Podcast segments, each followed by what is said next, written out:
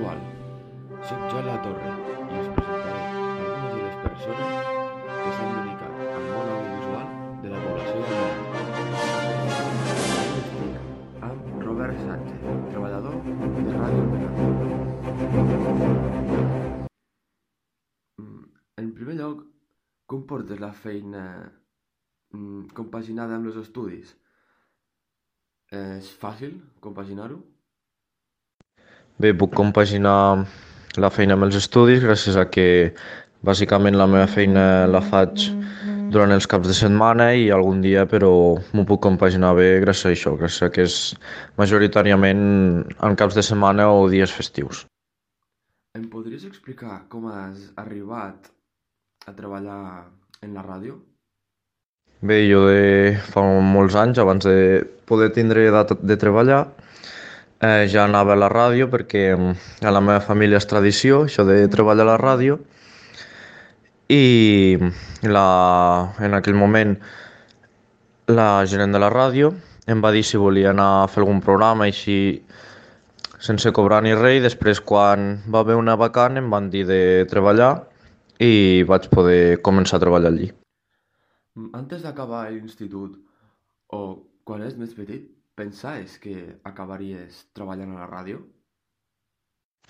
Fa molts, molts anys no, però bueno, fa poc sí per això que t'he dit en l'altra pregunta de, del fet de que per tradició familiar i per contacte amb la ràdio per part de la família sí que estava bastant lligat a, a la ràdio abans de treballar-hi. És fàcil treballar a una ràdio o ho trobes més ben dit difícil? Bé, al començament és molt difícil, però al final quan ja t'hi acostumes és bastant sistemàtic tot i és difícil, per exemple, entrevistes i així sí que és més complicat, però la, feina, la rutina, diguéssim, ja és, és com qualsevol altra feina. Sé que és una pregunta una mica controvertida, però te sents a gust amb els teus companys? I em sento a gust amb els companys perquè, bueno, som tots professionals i, i fem tots la nostra feina bé com s'ha de fer i a més hi ha, hi ha bon rotllo que es diria mal dit, bon companyerisme. T'ha resultat difícil aprendre aquest ofici?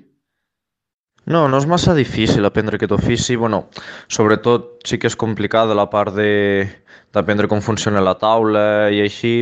Sí que és, és bastant tediós, però les altres coses no... És a dir, sí que els primers dies et costa molt, però amb pic t'hi acostumes, és bastant com qualsevol altra feina. Tu quines diries que són les èpoques de l'any on teniu més feina o heu de fer més entrevistes, més programes? Quina època diries en què teniu més feina? Sobretot estiu i Nadal perquè és quan hi ha més campanyes de publicitat i a la gent li té, més temps per escoltar la ràdio i així. Llavors en aquestes èpoques sí que hi ha bastanta més feina i el, com que des de la ràdio també presentem actes, quan hi ha per exemple festes al poble així també la feina s'incrementa.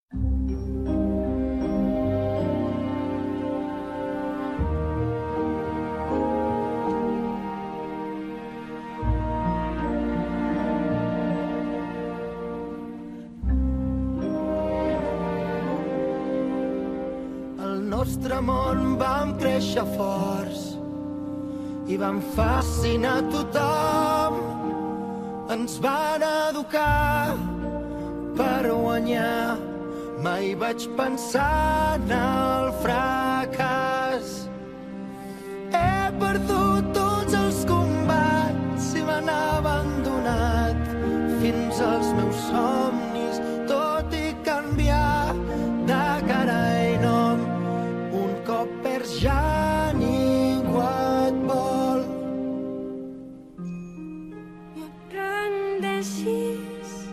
saps que tens amics. No aprendeixis que no. Tots tenim un costat bo. O molt bo. No et rendeixis, sé que tu pots fer bé. I bueno, la última pregunta. Eh, en aquests moments eh, se farà un aconteixement al Mena, que és la Marató. I, eh, com tots els anys, eh, tu i els teus companys de la ràdio el presentareu. Mm, com portes el estrès o els nervis del moment? Bé, suposo que et refereixes a que bueno, els de la ràdio presentem la marató. Eh, bueno, és, potser és la part més difícil de tot l'any perquè tot el poble gent que coneixes que et trobes pel carrer et ve veure com parles durant bastanta estona i clar, al final els nervis són bastant grans però bueno, quan en pic, dius la primera paraula aquests nervis ja se'n van i, i aquest estrès diguéssim és més quan, abans de començar i durant les pauses i així perquè pugui anar tot lligat com hauria d'anar. Però és una gran satisfacció poder fer coses així pel poble i, i diguéssim que compensa aquest estrès i aquest nervis de, dels moments.